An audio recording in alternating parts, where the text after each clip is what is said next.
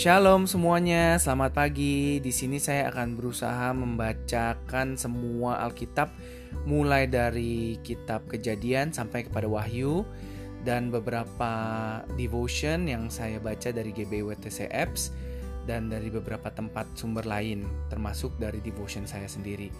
Semoga bisa memberkati buat setiap uh, pribadi yang mendengar ya. Dan jangan lupa tetap semangat, tetap happy karena Tuhan Yesus sayang sama kita. Tuhan Yesus memberkati. thank you